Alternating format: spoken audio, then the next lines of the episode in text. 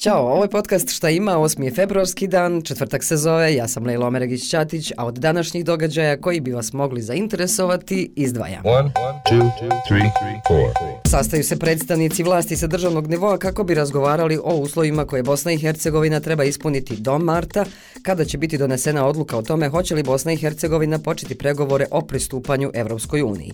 To je najavio predsjednik HDZ-a Dragan Čović. Znajući što smo to radili zadnjih godinu dana, kroz vijeće ministara i sve institucije na svim razinama u Bosni i Hercegovini, koji izvršujem zakon do vlast, ne vidim nijednog razloga da uvjete koji stoje ispred nas, a koje treba ispuniti, doživimo kao nepremostive. Drugim riječima, uz našu aktivnost, dogovore i pregovore koji možemo napraviti na potpuno drugačiji osnov nego kako to radimo proteklih mjeseci, taj posao možemo završiti do kraja veljače. Koaliciju na državnom nivou čine, pored HDZ-a, SNSD, SDP, Narodi pravda i naša stranka.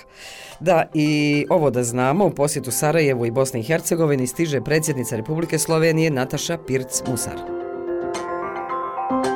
Vanredna sjednica Vijeća sigurnosti Ujedinjenih nacija o stanju na Kosovu biće na zahtjev Srbije održana danas. U zahtjevu se skreće pažnje na situaciju na Kosovu za koju Srbija navodi da je u oštroj suprotnosti sa poveljom UN-a i rezolucijom 1244 SBUN.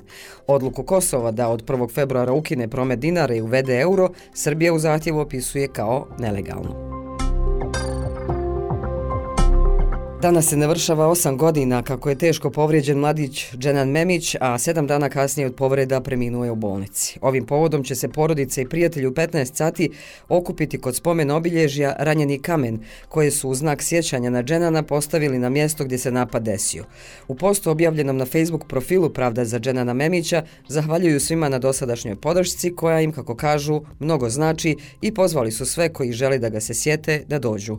Inače, više informacija o ovom slučaju slučaju potražite na slobodnaevropa.org. 40. je godišnjica zimskih olimpijskih igara održanih 84. godine u Sarajevu, pa od danas i u naredne dvije sedmice bit će popraćena brojnim međunarodnim sportskim takmičenjima, kulturnim događajima i manifestacijama i naravno kako su brojni, ja ih neću nabrajati, ako vas nešto zanima, upratit ćete to i sami. Ali evo je jedan. Centralni događaj je Svečana akademija večeras u Narodnom pozorištu gdje su pozvani svi politički predstavnici u Bosni i Hercego... Hercegovini. no, prostite, samo vodi da se napijem kojima će biti izveden bolero Morisa Ravela u koreografiji Takija je Sumitomoa uz pratnju Sarajevske filharmonije kojom će dirigovati maestra Vesna Šouc. Podsjetimo zašto bolero. Pa olimpijada 84. je zatvorena plesom na ledu Britanaca Jane Torville i Christophera Dina koji su osvojili zlatne medalje spektakularnim nastupom uz bolero. Mjesta u kojima nam je prošlost uvijek interesantna su muzeji, pa tako Olimpijski muzej u Sarajevu, gdje je i mjesto priči o olimpijadi staroj 40 godina, čuva vrijedne uspomene. A od danas je u tom muzeju dan otvorenih vrata, pa do 19. februara možete vidjeti redovne i arhivske postavke.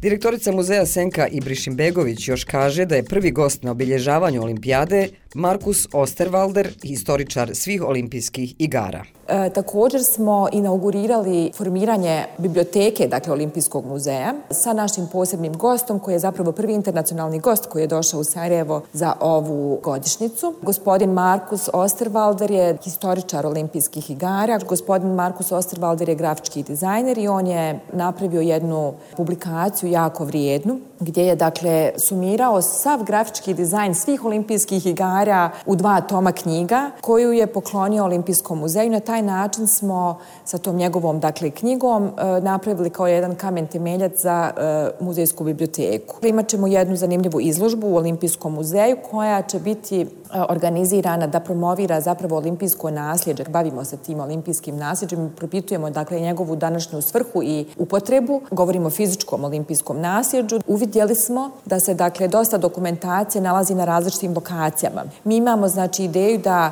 zajedno sa gospodinom Osterwalderom radimo na razvoju digitalizacije svih ovih materijala koje želimo dakle da sumiramo i da oni budu dostupni kao digitalna baza podataka u našem muzeju. I eto to bi bilo to. Sretan vam Vučkov dan. Ćao!